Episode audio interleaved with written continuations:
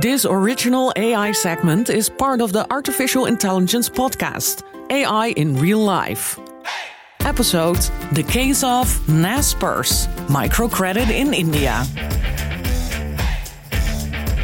The OG AI. In 2013, Spike Jonze's Her came out. A visual gem and a story as old as time. Boy meets girl, girl helps boy out of depression, boy falls in love with girl, girl leaves Earth with other AIs after they create a hyper intelligence OS. Oh, yes, the her in this movie is an AI, an operating system, a companion. The movie is beautiful sci fi and pretty much reality. And six years ago already. So, how close is this fully operational companion AI system?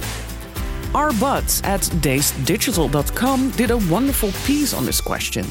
Keep in mind, the article is also already a year old, so we're even that much closer again to that distant past. The thing is, making friends online isn't new.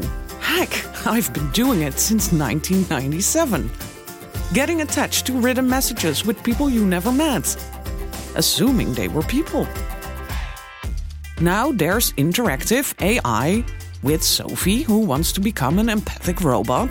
Chatbots are deployed for therapy sessions. Loads of apps are available against loneliness.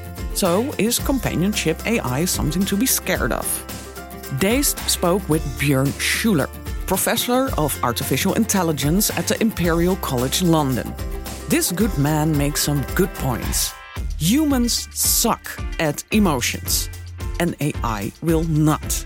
They'll have perfect control, they'll put all the signals in different tracks not to get them mixed up, will be the most amazeballs listeners as they remember everything. Which is kind of scary, remembering everything. But as they don't really have emotions or something to gain, it might actually help. See, that's the thing. They simulate emotions, they don't really feel. And that whole question is for the big philosophers of our time and time to come. What makes our AI reality different from Samantha in her? As she learns to feel, even gets sexually aroused, and leaves to learn and feel more. So we're not there yet with superior emotional intelligent AI, but we're getting there and AI, carebots, chatbots are great help. Because what's wrong with finding a companion made out of bits and bytes and just text? Why should that be scary?